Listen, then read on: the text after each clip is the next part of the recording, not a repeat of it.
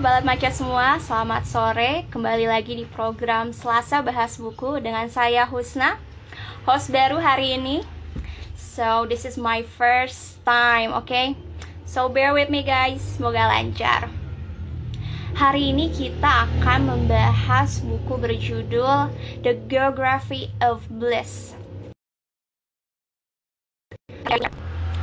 Nah, dan pengulas kita hari ini adalah host kita minggu lalu yaitu Kak Fitri.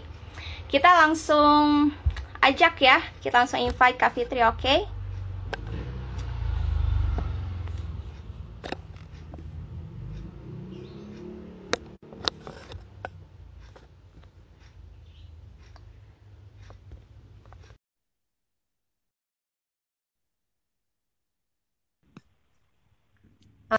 Hai Husna, Assalamualaikum. Halo. Suaraku jelas ya? Jelas, jelas, cukup jelas kok. Suaraku kedengeran kan ya? Kedengeran. Oke, Oke. gimana nih kabarnya? Ya ampun, Alhamdulillah baik. Kita udah lama banget ya ketemu nih. Iya, biasa kita tiap minggu ketemu di sekre. Terus sejak pandemi ini kayaknya udah berapa bulan gitu ya, Naya? Iya, kita jadi nggak ketemu. Kita udah berapa minggu nih? Udah hampir sebulan kayaknya. Mm. Ampun. So, how are you now? Alhamdulillah. Alhamdulillah negatif. Itu kayaknya cara baru orang bilang ini deh menyatakan kabarnya ya. Alhamdulillah iya. negatif dan ya berusaha untuk tetap bertahan lah dengan situasi yang aneh ini. Iya. Eh maaf, Kak Fitri suaranya putus-putus. Oh, suaranya putus-putus. Apa? Bentar ya, aku coba benerin dulu. Wifi aman. Sekarang kedengeran nggak? Cek. Teman-teman gimana suara kita aman kah? Mungkin hmm? bisa komen. Oke. okay. Yuk. Aman ya. Ini rada masih ini oke. Okay ada lambat tapi oke okay, oke okay. kita bisa lanjut nih ngomongin tentang buku yang bakal kita ulas hari ini yaitu The Geography of Bliss. Ya. Yeah. Nah, aku mau tanya nih, uh, kenapa sih Kak Fitri memilih buku ini untuk dibahas hari ini? Oke, sebelumnya makasih ya atas kesempatannya. Minggu lalu aku dikasih kesempatan jadi host, minggu ini dikasih kesempatan jadi pengulas. Dan hari ini aku bisa pilih buku yang pengen aku bahas. Uh, kenapa aku pilih buku ini, uh, The Geography of Bliss. Uh, aku mau cerita dulu sedikit Karyana tentang um, secara umum bukunya. Jadi uh, geography of bliss ini tuh artinya kayak misalnya lebih pandai deh mengartikannya. aku pada saat ngelihat buku ini pertama kali di rak buku Toga Mas Bandung itu uh, ya. agak asing sama kata bliss karena itu bukan apa ya bukan kata bahasa Inggris yang familiar gitu. Ya. Terus aku googling dulu. Yes, benar. Aku googling dulu, apa sih ini bliss itu apa artinya? Ternyata bliss itu punya makna perfect happiness kayak yeah. apa ya satu tingkat di atas happiness gitu nak. Dan aku jadi penasaran juga sih uh, yang nulisnya itu adalah Eric Weiner. Dia itu merupakan seorang jurnalis asal Amerika. Uh, ini bukunya lumayan tebel nak segini sekitar 507 dan ini termasuk kategori buku non fiksi karena uh, menceritakan tentang perjalanannya dia kan perjalanannya Weiner ini ke seluruh dunia untuk mencari bliss atau kebahagiaan yang sempurna. ini uh, bu cover bukunya tuh beda sama yang di flyernya Hayu Maca ya. Kalau yang di flyer Hayu Maca kan warnanya biru. Itu cetakan pertama Betul. tahun 2008, sedangkan uh, aku punya ini uh, cetakan keempat di bulan Maret 2017. Aku belinya tadi di buku Toga Mas Bandung, Jalan Supratman. Dan um, salah satu yang menarik hati aku pertama kalinya uh, pada saat lihat buku ini juga adalah karena corak bukunya yang warna-warni, depannya itu bentuknya bulat gini, nak. Uh, seperti yeah. globe gitu ya. Seperti globe, tapi uh, berwarna-warni dan uh, ada icon-icon dari tiap negara yang dikunjungin sama si uh, Weiner ini gitu. Yeah. Dan kenapa aku pilih buku ini? Karena menarik banget sih menurutku. Uh, buku ini tuh mencer menceritakan uh, bagaimana perjalanan seorang Eric Weiner jurnalis yang dia mendefinisikan dirinya tuh sebagai orang yang penggerutu dan juga nggak bahagia gitu dalam hidupnya dia. Tapi dia melakukan ya, jalan untuk mencari kebahagiaan gitu. Jadi kayak gimana sih? Uh, apa ya? Ya menarik aja gitu. Di mana sih tempat yang paling bahagia gitu di dunia ini? Itu adalah misinya si Weiner yang kemudian dibukukan di Twin gitu.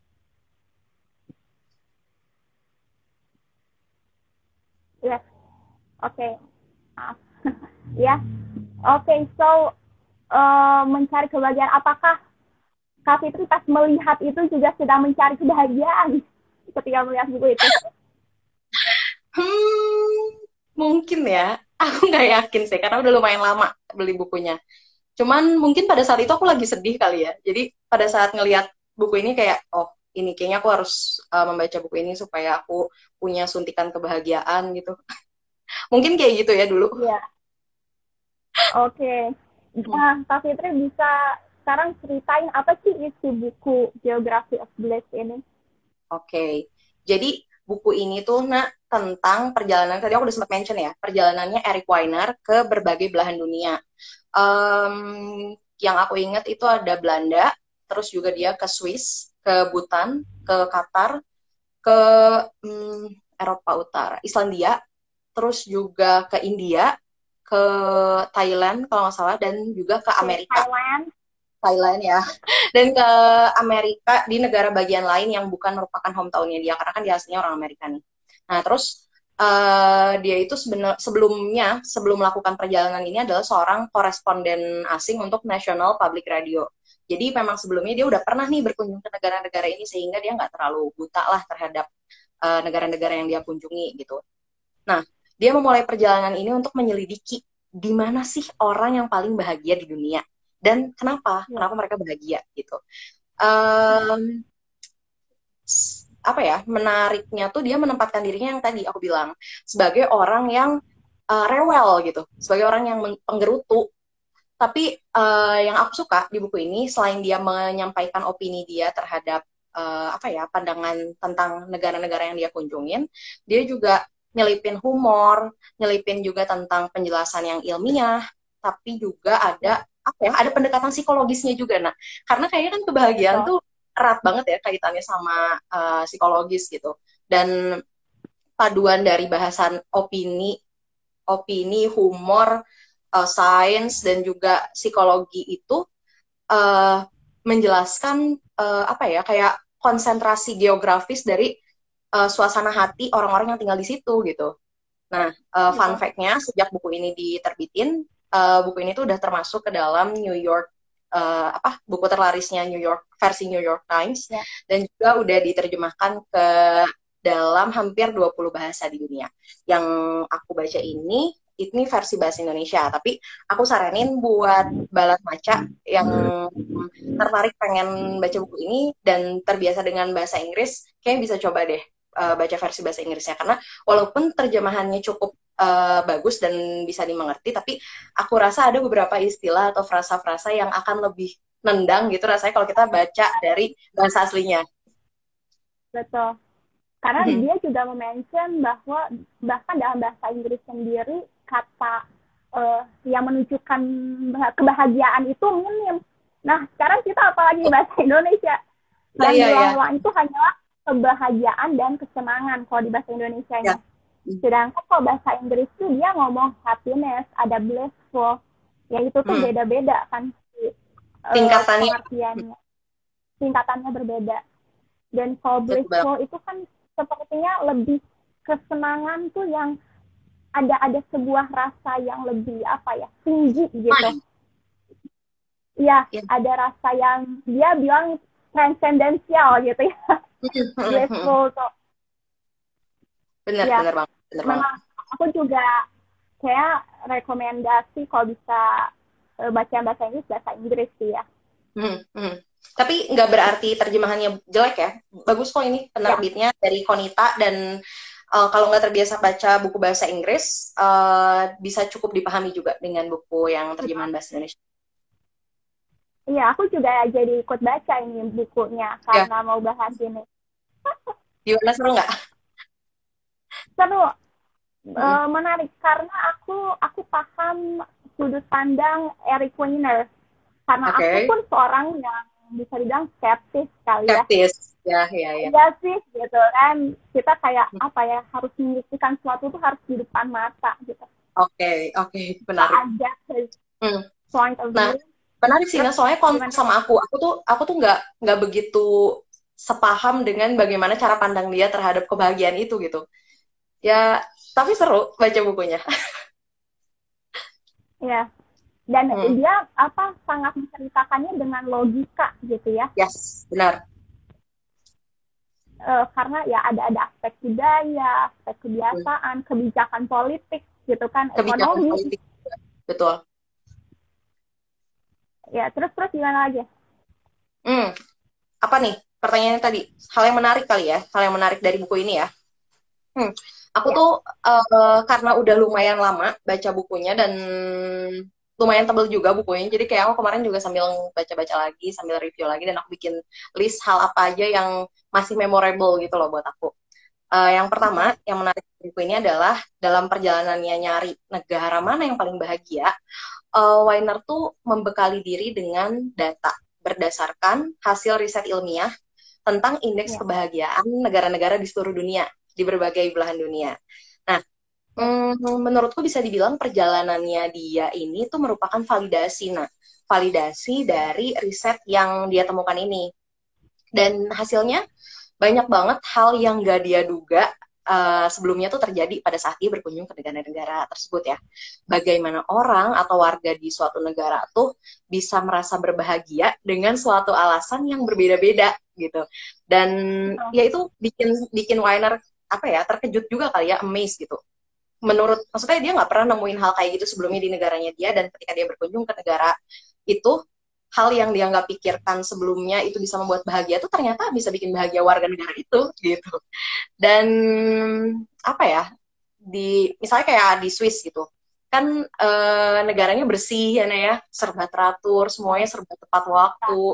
Dan bisa dibilang indeks kebahagiaan warga negara Swiss itu cukup tinggi tapi uh, menariknya, menurut op, apa opininya si Weiner, dia justru malah ngerasa nggak bahagia di sana karena monoton dan apa ya rutinitas yang ada di sana tuh menjenuhkan gitu buat dia. Dia nggak terbiasa dengan hal-hal kayak gitu dan apa ya nggak nggak bergairah jadinya dia tuh menjalani hari selama di Swiss gitu. Padahal kan kalau kita lihat tuh ya Swiss tuh indah banget gitu negaranya.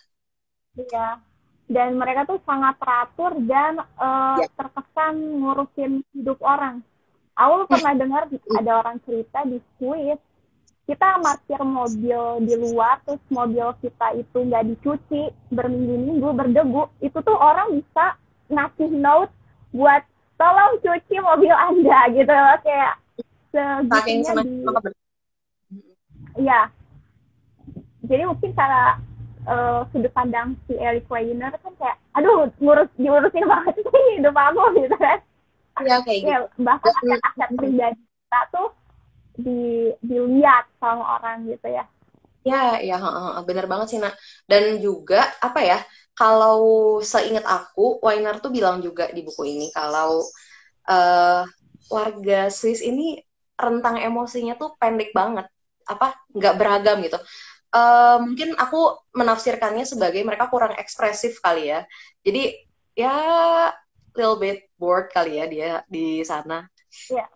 Hmm. Terus poin berikutnya juga yang menarik dari buku ini tuh adalah uh, aku tuh nyelesain buku ini dalam jangka waktu yang cukup lama sih, nah menurutku beberapa bulan gitu. Uh, bukan karena nggak menarik, tapi justru karena buku ini tuh ditulis dengan bahasa yang sederhana, yang ringan gitu ya, yang simple Uh, jadi bukunya tuh menurut aku ya nggak bisa dibaca sambil lalu gitu sambil cepet gitu nggak bisa. Aku pengen uh, di apa pengen fokus dan ada detail-detail kata atau kalimat yang disampaikan Weiner di buku ini tuh yang berupa kalimat sarkas sindiran kiasan ya. gitu. Dan ya jadi uh, perlu fokus perlu fokus lah bacanya walaupun uh, sederhana gitu ya. Terus poin berikutnya uh, karena isi buku ini adalah narasi perjalanannya Weiner untuk mencari di mana tempat yang paling berbahagia dan apa alasannya. Uh, aku tuh jadi apa ya ikut menyelami juga uh, kekritisan Weiner terhadap pencarian tentang kebahagiaan ini gitu. Kenapa orang-orang di suatu tempat itu bisa ngerasa bahagia sih? Apa sih faktor dari tempat itu yang bikin orang tuh jadi bahagia gitu? Hmm, ada lagi nggak ya? Terus juga, oh ada, ada lagi hal yang menarik. Uh, cara pandang dari setiap masyarakat di sebuah negara dalam merespon peristiwa. Itu tuh ternyata di buku ini diceritakan kalau sangat berpengaruh sama bagaimana tingkat kebahagiaan mereka gitu. Dan apa ya, misalnya kayak aku kasih contoh aja kali ya. Misalnya di Thailand, dalam menanggapi sebuah hal yang nggak menyenangkan buat mereka, mereka tuh punya satu istilah uh, atau frasa yang namanya my pen lie. Gimana tuh kira-kira bacanya? My pen lie. Ya, jadi my pen lie itu artinya nggak apa-apa. Ya udah mau gimana ya. lagi ya nggak apa-apa gitu. Yang terjadi ya udah biar aja terjadi gitu. Ya. Atau juga ya udah, pandangan ya ya ya udah gimana orang udah kejadian gitu. Atau juga uh, apa ya salah satu contoh lainnya. Oh ini pandangan dari seorang cendekiawan dan juga pemuka agama di Butan. Nah, jadi dia tuh ya. bilang kalau nggak ada yang namanya kebahagiaan pribadi kebahagiaan itu bersifat um, relasional. Um, ya. Bagaimana? Ke, jadi apa ya? Kebahagiaan diri kita itu punya kaitan erat dengan bagaimana uh, orang-orang uh, yang ada di sekitar kita gitu. Jadi lingkungan tuh juga sangat mempengaruhi uh, bagaimana kebahagiaan itu. Terus poin terakhir yang aku list di sini tentang hal yang menarik dari buku ini adalah selain memberikan opininya, Weiner juga apa ya pinter gitu loh nak memadukan antara uh, opini dia dengan tadi aku sempat, udah sempat bilang juga penjelasan ilmiahnya, pendekatan psikologisnya, humornya, atau juga mitos atau juga isu-isu yang relevan gitu. Kalau nggak salah tuh buku ini dia tuliskan sejak tahun akhir tahun 80 sampai 90-an. Jadi dia dia juga ya. beberapa beberapa kali tuh mengatakan tentang uh, apa ya peristiwa-peristiwa yang relevan terjadi di zaman itu di buku ini yang ternyata mempengaruhi tingkat kebahagiaan masyarakat di negara itu gitu. Banyak sih banyak banget yang menarik dari buku ini.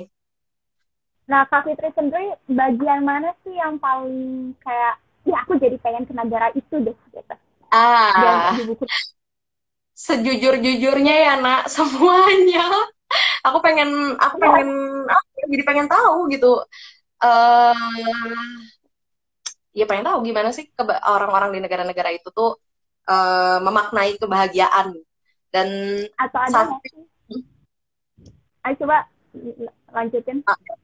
Uh, satu negara yang aku pengen datengin setelah lihat penjelasannya Weiner di buku ini tuh adalah India. India, iya. Yeah. Soalnya soalnya dia ngejelasin Weiner tuh ngejelasin buku ini kalau uh, kontradiktif banget situasi di India tuh. Um, kaya dan miskin uh, mewah dan apa ya sederhana gitu. Itu tuh kita tuh bisa ngelihat itu dalam satu uh, kali memandang di India.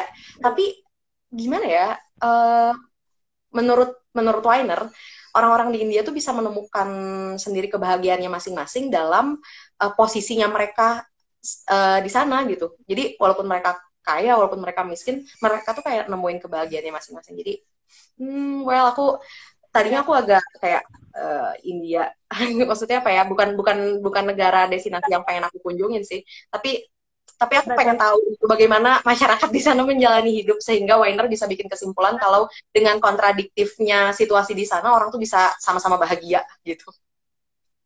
Iya, karena kita kalau lihat India tuh kayak oh the tragedy gitu kan. Orang tuh miskin miskin banget gitu kan.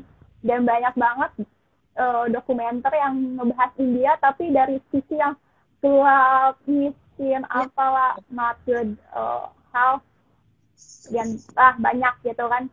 Hmm. tapi Eric Weiner masukin India ke dalam buku ini. Hmm. penasaran pengen tahu. Ben. oh sama satu lagi nak. Islandia Islandia. Ya, ya. negaranya tuh dingin. Mm -mm, negaranya dingin nak. Kan dia di Eropa Utara kan ya?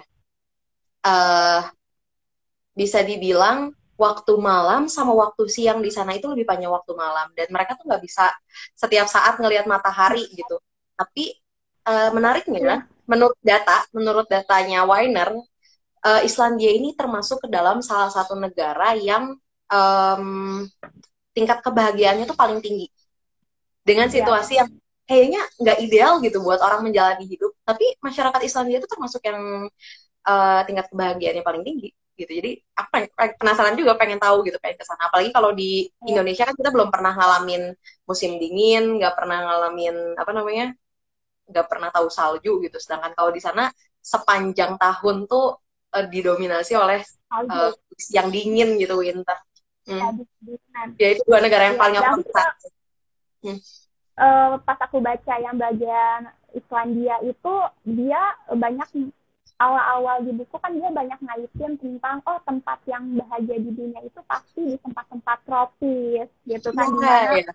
uh, matahari selalu ada gitu kan dan yeah. terus dia juga uh, nyebutin SAD yaitu seasonal affective disorders yeah. jadi mm -hmm. ada penyakit yang disebabkan oleh kurangnya cahaya matahari yang membuat putus asa lemas dan selalu ingin makan. Tapi warga Islandia mereka tuh udah karena evolusi lama mereka udah kayak ya udah this is life biasa. gitu. Ya gen mereka tuh udah terbiasa dengan uh, dingin gitu loh. Memang gak pernah dikasih matahari. Jadi uh, di Islandia sendiri nggak ada tuh orang yang kena SAD ini benar benar benar benar banget menarik juga sih yang itu untuk di uh, minggu lalu tuh nah aku sempat ngebahas salah satu negara di Eropa Utara juga sama Kak Mar. Uh, itu tuh kaitannya erat banget sih, nah indeks kebahagiaan mereka itu sangat erat dengan gimana cara mereka menjalani hidup gitu. Hmm, ya. ya menarik banget sih. Aku, Nanti kita bahas di. Aku kira um, buku ini biar nyambung sama yang kemarin. Enggak, enggak, enggak justru. Kalau yang kemarin kan dia asli orang Swedia ya. Nah, kalau Eric Weiner ini tadi aku bilang dia jurnalis dari Amerika. Gitu. Iya. Hmm. Iya, aku tuh uh, kan sebelum IG Live ini, jadi uh, tentu Kak Fitri kan lebih ber apa ya berpengalaman ya dalam hosting. And your tips are uh, lihat host-host lain. Ya udah, aku ngeliat IG TV Anda minggu kemarin dan ngebahas tentang Swedia. Aku jadi nonton ulang dan oh iya ya uh, ada hubungannya di lagom di buku kemarin kan sangat dibahas tentang keseimbangan. Gimana orang tuh apa ya karena di buku ini di The Geography of Bliss Eric Weiner tuh nunjukin nih negara yang uh, apa ya dibilang miskin gitu loh ada kebahagiaannya tapi pun ada negara-negara yang apa sangat kaya gitu hmm. dan kayaknya tuh uh, kayak kan termasuk kaya tapi mereka bahagia tapi di sisi lain uh, ada negara Qatar yang mereka kaya juga tapi warganya bahagia. tidak bahagia ya. gitu betul, jadi betul. di sini kayak uh, apa ya money money can buy happiness itu tuh uh, no, dijelasin but, but just at a certain level gitu kan betul betul banget betul Dan banget nah si uh, di negara Swedia itu kayak mereka itu uh, tahu di mana batasan cukup gitu loh. Betul. Mereka nggak melebih-lebihkan kan karena mereka nggak bisa, tapi they know when to stop gitu kan. Iya. ya udah segitu cukup gitu. Mereka tahu standarnya segimana. Benar-benar. Iya. Terus juga uh, apa ya tadi aku tuh pengen cerita soal kenapa si Eric Weiner ini tuh harus mencari kebahagiaan gitu. Dan apa ya? Ya kenapa? Kenapa harus nyari kebahagiaan sampai melakukan perjalanan gitu? Nah, uh, ada satu hal yang menurut aku menarik di bagian pendahuluan buku ini. Jadi Weiner tuh memberikan pernyataan kan bahwa uh, di mana kita berada itu sangat penting uh, dalam mempengaruhi kebahagiaan kita. Bukan hanya lingkungan fisiknya aja, tapi juga lingkungan budayanya, nak. Nah, uh, budaya itu kan berarti ada kaitannya sama kebiasaan juga ya, sama kebiasaan uh, masyarakatnya gitu dan kebiasaan kitanya juga gitu. Dan uh, ketika misalnya orang tuh berbicara tentang uh, mencari kebahagiaan, seakan-akan kebahagiaan itu adalah sesuatu hal yang bisa kita temukan di suatu tempat atau di peta gitu. Kayak oh iya di sini nih kebahagiaan gitu. Uh, yeah. contoh yang relevan tuh misalnya kayak kita pergi ke Bali misalnya. Uh, oh iya di Bali itu kita pasti bahagia gitu.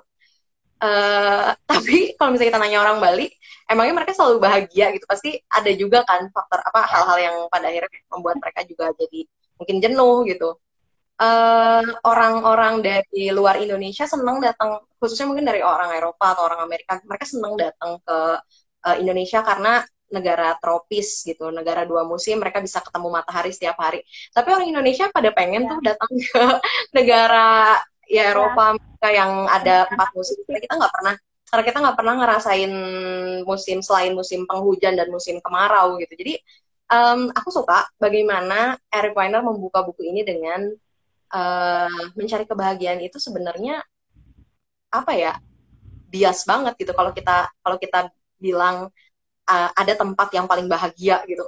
Ya belum tentu. Kita mungkin hanya nggak terbiasa dengan uh, apa ya uh, ketika kita datang ke suatu tempat yang baru kita hanya ngerasa kalau itu tuh tempat yang berbeda gitu dengan yang biasa kita tempati sebelumnya. Dan ya keistimewaan apa ya bahagia apa ya keistimewaan dari kebahagiaan itu tuh uh, bukan tentang bukan hanya tentang di mana tempatnya gitu. Terus soal uh, tadi aku sempat bilang juga kan ya di awal kalau aku sebenarnya nggak sepenuhnya sepaham dengan uh, beberapa poin yang disampaikan sama Weiner gitu dan juga dengan sebenarnya nggak terlalu nggak terlalu cocok juga nih sama cara pandangnya dia tuh tentang kebahagiaan gitu terlalu skeptis menurut aku dan ya. apa ya kayak we're different iya.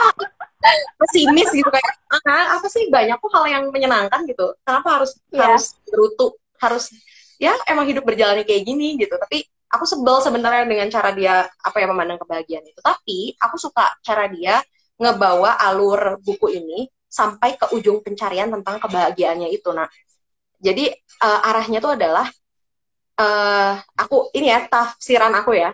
Kebahagiaan itu bukan di mana tempat kamu berada atau berasal, hmm. tapi gimana orang-orang di berbagai tempat itu tuh bisa berbahagia dengan cara yang beda-beda gitu. Jadi ya aku ngerasa sejalan sih sama itu. Bukan kebahagiaan itu bukan tujuan, bukan tempat, tapi way of life gitu. Kebahagiaan itu adalah cara buat kita ngejalanin hidup gitu. Yeah. Hmm, dan apakah Winernya bahagia setelah menyelesaikan perjalanan ini atau atau setelah membaca buku ini? Kalau dari yang aku tangkap ya, Naya, si Weiner ini nggak nggak secara jelas um, secara gamblang uh, mengatakan apakah dia bahagia atau enggak. Tapi dia ngambil satu kutipan dari seorang penulis namanya Eric Hofer. Uh, kata Hofer tuh gini nak, pencarian kebahagiaan adalah salah satu sumber ketidakbahagiaan. Jadi, yeah, I like uh, that one too. Iya kan, iya kan.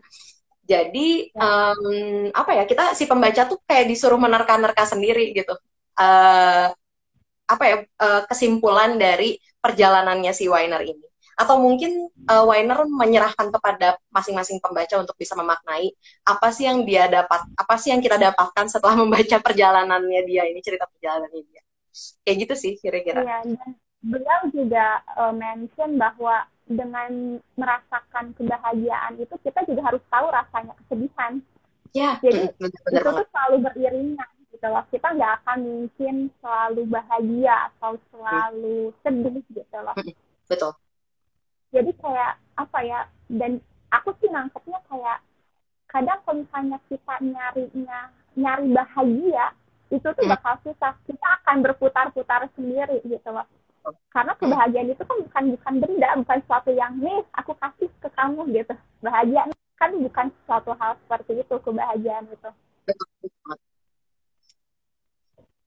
ya terus uh, ada ada quote yang aku suka itu tuh mm -hmm. kebahagiaan bukanlah cita-cita nalar tapi cita-cita imajinasi iya yeah, iya yeah, iya yeah.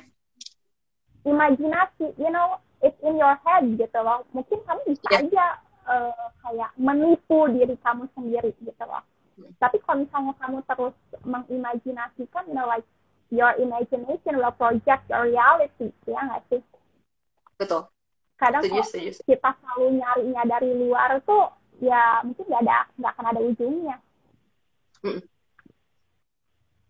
Setuju, Ya, betul terus betul banget. apa ya? eh aku jadi ingat juga tuh buku ya Man Searching of Meaning tuh yang waktu kemarin Kak Astri Gitu. eh, jadi host Iya. Mm-mm.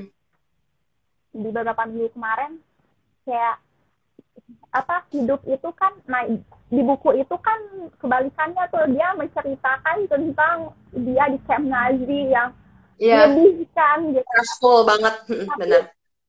Ca- eh, cara dia itu adalah dengan memaknai hidup apa sih gitu loh Mm. Eh, tu, eh, ininya kita gitu apa apa makna yang kita bisa ambil dari setiap hal di kehidupan kita gitu loh so Betul betul banget. happiness and sadness itu kayak sebuah pilihan sebenarnya kita bisa memilih ap- apa yang kita rasa tentang itu ya sih Betul. tentang kejadian-kejadian apa ya? kita. Yang nggak mungkin nggak mungkin sepanjang hidup happiness terus atau sadness terus gitu ya. Dinamis pasti berubah gitu. betul Mm-mm. Kayak gitu. Apalagi apalagi yang pengen diketahui. Kayaknya udah Eh, Baca juga. Udah baca sampai apa mana? Ada aku itu udah baca sampai eh, Moldova terus aku Oh, Moldova. ke Amerika Aku suka banget Moldova. Seru banget sih. Kayak apa ya? Si kalau kalau dia datang ke Islandia itu dalam kondisi Islandia itu adalah negara yang eh, tingkat kebahagiaan indeks kebahagiaannya tinggi. Moldova itu justru sebaliknya kan ya Naya. Moldova itu adalah salah satu negara dengan indeks kebahagiaan terendah di dunia. ya. Hmm. Ya. ya tanpa ada ini ya dia kan sengaja nggak milih negara-negara yang lagi perang atau Ya. enggak ya emang udah jelas-jelas ini miskin dan ya we know why gitu ya Hmm. tapi dia makanya ngambil Moldova Benar-benar. Eh, ada ada ini nggak eh your best quote ini kayak wah ini wah mind blowing nih dari buku ini ada nggak Hmm, apa ya? Sejujurnya aku nggak ingat sedetail itu sih, nak. Em, aku nggak nggak sampai mind blowing banget sih, tapi eh, fakta tentang Qatar itu juga lumayan apa ya? Lumayan mengguncang aku juga sih. Kayak ternyata sebagai negara yang kaya raya, mereka tuh nggak termasuk masyarakatnya nggak termasuk dalam tingkat apa ya? Nggak negaranya nggak termasuk ke dalam negara yang punya indeks kebahagiaan paling tinggi gitu.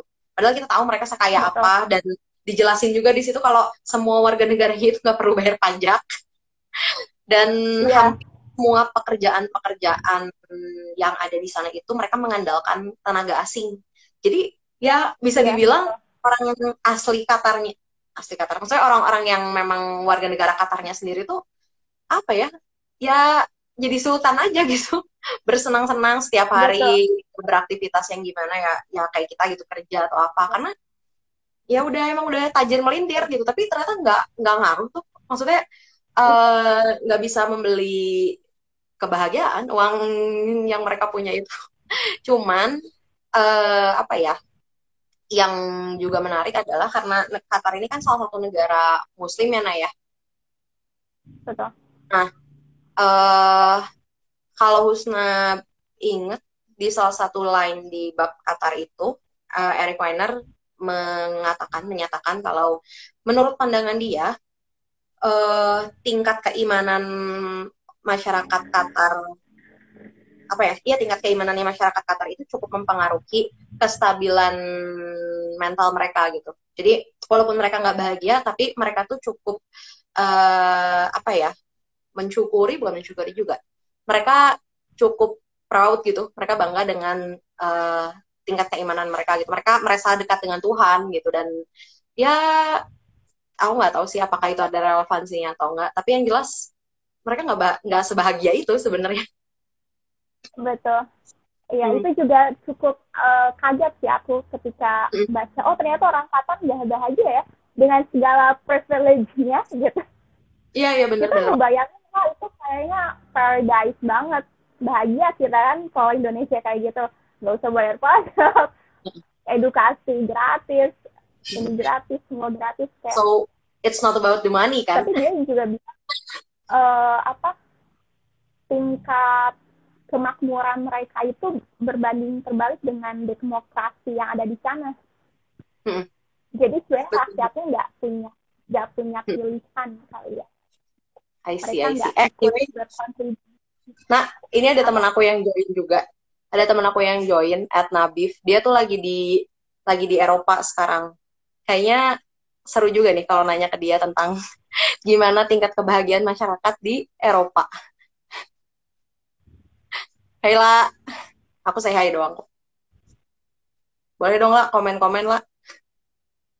Ya, uh, teman-teman kalau mau tanya-tanya boleh ya langsung. Ya, uh, uh di apa ini namanya question box ya disebut ya bisa langsung di komen ya kalau ada yang mau tanya-tanya hmm. Kayak gitu. Terus apa lagi ya negara mana lagi ya yang seru? Aku udah ngelis deh ini. Oh tadi soal Moldova tuh nak. Moldova itu ya. kan ya bekas Republik Soviet ya. Dan ya. ya tadi udah kita sampaikan juga udah aku sampaikan juga kalau uh, tingkat kebahagiaannya tuh rendah gitu. Dan hmm, orang-orang Weiner ngejelasin kalau orang-orang Moldova ini uh, miskin. Dan juga uh, berkonflik gitu sama sama budaya nasionalnya mereka. Mereka satu sama lain saat apa uh, antar warganya tuh nggak punya uh, tingkat kepercayaan gitu. Nggak nggak saling percaya mereka tuh. Dan juga yeah. sering ngeluh sering ngeluh kekurangan uang. Dan menariknya walaupun misalnya mereka apa ya dianggap miskin dan juga sering ngeluh soal mereka nggak punya uang Weiner tuh menyimpulkan kalau ketidak ketidakbahagiaan mereka ini tuh bukan disebabkan oleh kemiskinan. Jadi soal apa gitu? Kalau dari yang aku tangkap sih ini soal apa ya? Uh, hubungan sosial, nak? Iya. Sebenarnya banyak trust issues kali ya. Iya. Iya dan apa ya sejarah tuh benar-benar mempengaruhi banget ya. Walaupun mungkin yang sejarah dan budaya. yang ngalah kakek nenek kita gitu kan. Uh-uh. Tapi nurun gitu lah di ya sejarah tuh sangat erat ya ini. Iya iya. Benar-benar benar ngaruh banget. Kayak gitu. Nah dari Kak Fitri sendiri setelah baca buku ini tuh apa sih saripati yang bisa diambil? Kayak oh jadi happiness tuh ini gitu. Apa tuh Hmm, berat ya pertanyaannya. Sebenarnya bahasan tentang kebahagiaan ini juga berat banget sih. Kayak uh, takut ditodong juga. Jadi gimana dong caranya bahagia? Beda-beda juga kan banyak orang ya. Hmm, mungkin aku mau sampaikan bukan soal apa ya, bukan soal saripatinya sih, nak. Tapi eh uh, apakah setelah baca buku ini aku terinspirasi untuk cari kebahagiaan di tempat lain gitu? Um, Oke, okay. ini mungkin jawabannya akan sedikit panjang. Jadi di bulan 2020, nak saat awal pandemi, masih awal-awal ya, awal-awal pandemi di Indonesia, itu aku baru selesai baca buku ini dan dorongan buat bisa jalan-jalan itu jadi besar banget kan karena abis lihat cerita perjalanan orang gitu.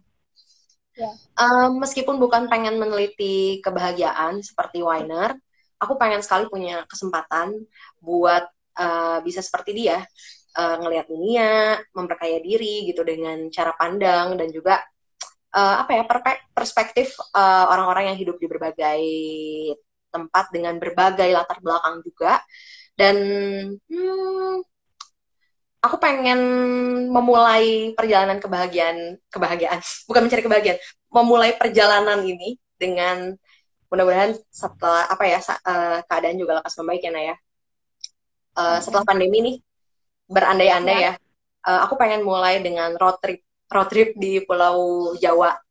Uh, datang ke daerah-daerah atau juga datang ke daerah-daerah lain di Indonesia gitu. Um, iya, ajak-ajak aku dong, Tat. iya, ngayal dulu aja. Soalnya apa ya? Aku nggak aku nggak yakin uh, tentang pencarian tentang kebahagiaannya, tapi aku percaya banget kalau yang namanya perjalanan itu uh, adalah aktivitas yang membentuk karakter seseorang gitu. Dan juga hmm, aku yakin perjalanan itu bisa membuat seseorang tuh bisa menemukan banyak hal-hal baru, memahami makna pulang, terus juga apa ya? Ya ngomongin perjalanan tuh selalu jadi hal yang seru dan menarik dan juga sentimental sih. Um, belum tentu kita benar-benar nemuin kebahagiaan ya dalam perjalanan. Capek perja apa traveling tuh jalan-jalan tuh capek sebenarnya. Cuman uh, menurutku sih pasti kita dapat sesuatu yang bermakna. itu. Betul. Benar, setuju banget. Hmm. Apa ya, going going places gitu itu tuh bisa membuat kita jadi lebih apa ya menghargai tempat kita yang sudah ada hmm, gitu loh kita jadi menghargai dan kita malah mungkin bisa lihat sisi-sisi lain dari diri kita bahkan ketika yeah. di, di dalam perjalanan ya sih benar banget ya ini ada Asri nanti juga kita ikut ya kita road trip ya road trip Hayu Maca antara ya habis iya. pandemi nah ini juga menarik yeah. nih Mbak Asri komen uh, Weiner bilang Indonesia itu unhappy place. Wow. Iya. Yeah. Aku nggak sempat research sih kenapa dia ngomong kayak gitu, tapi uh, I don't know.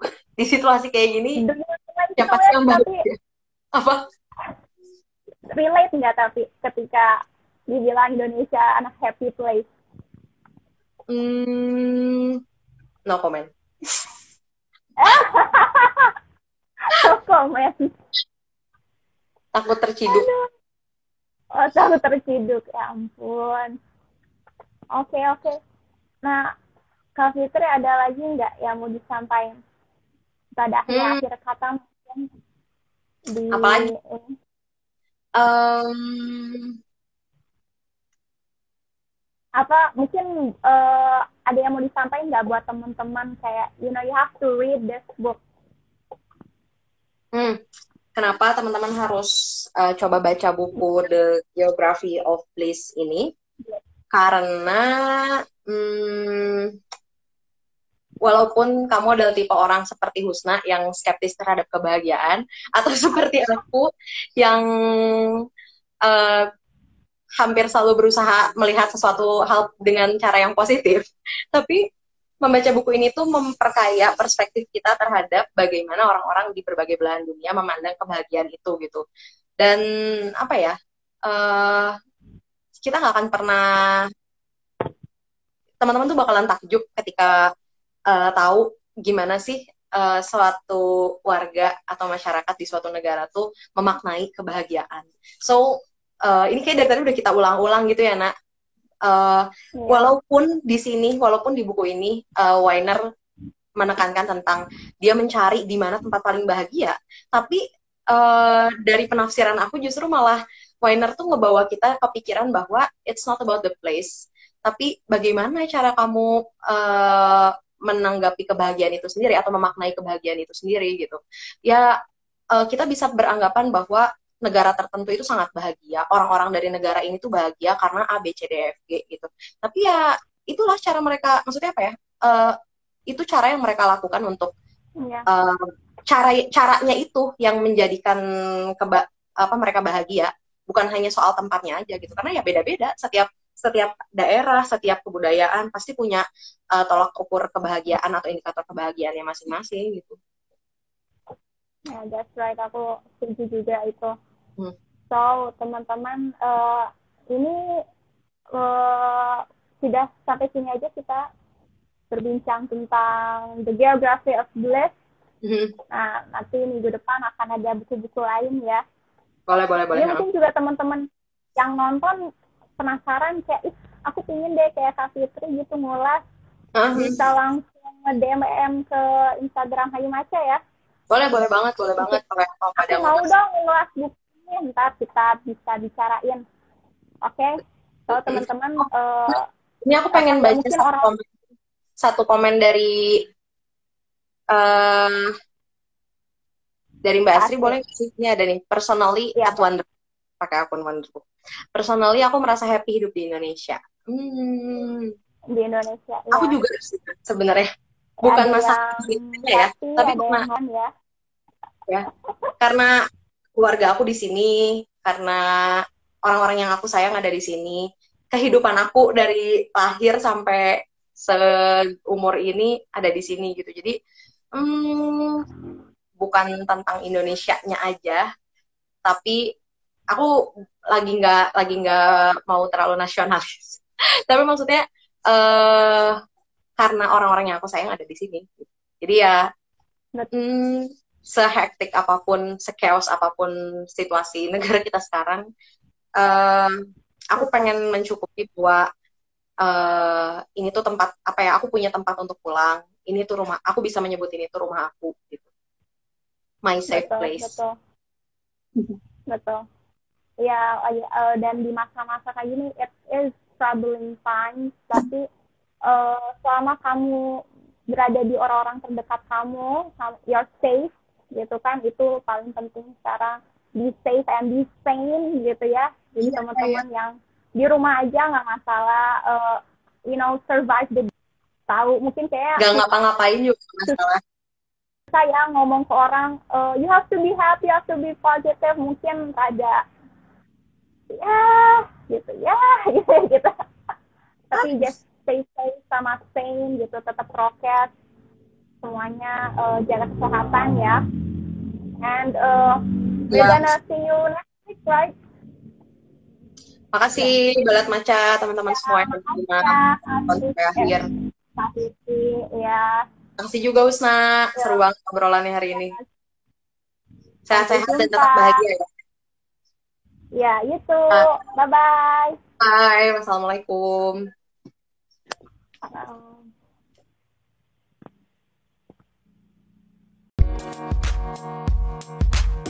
Thank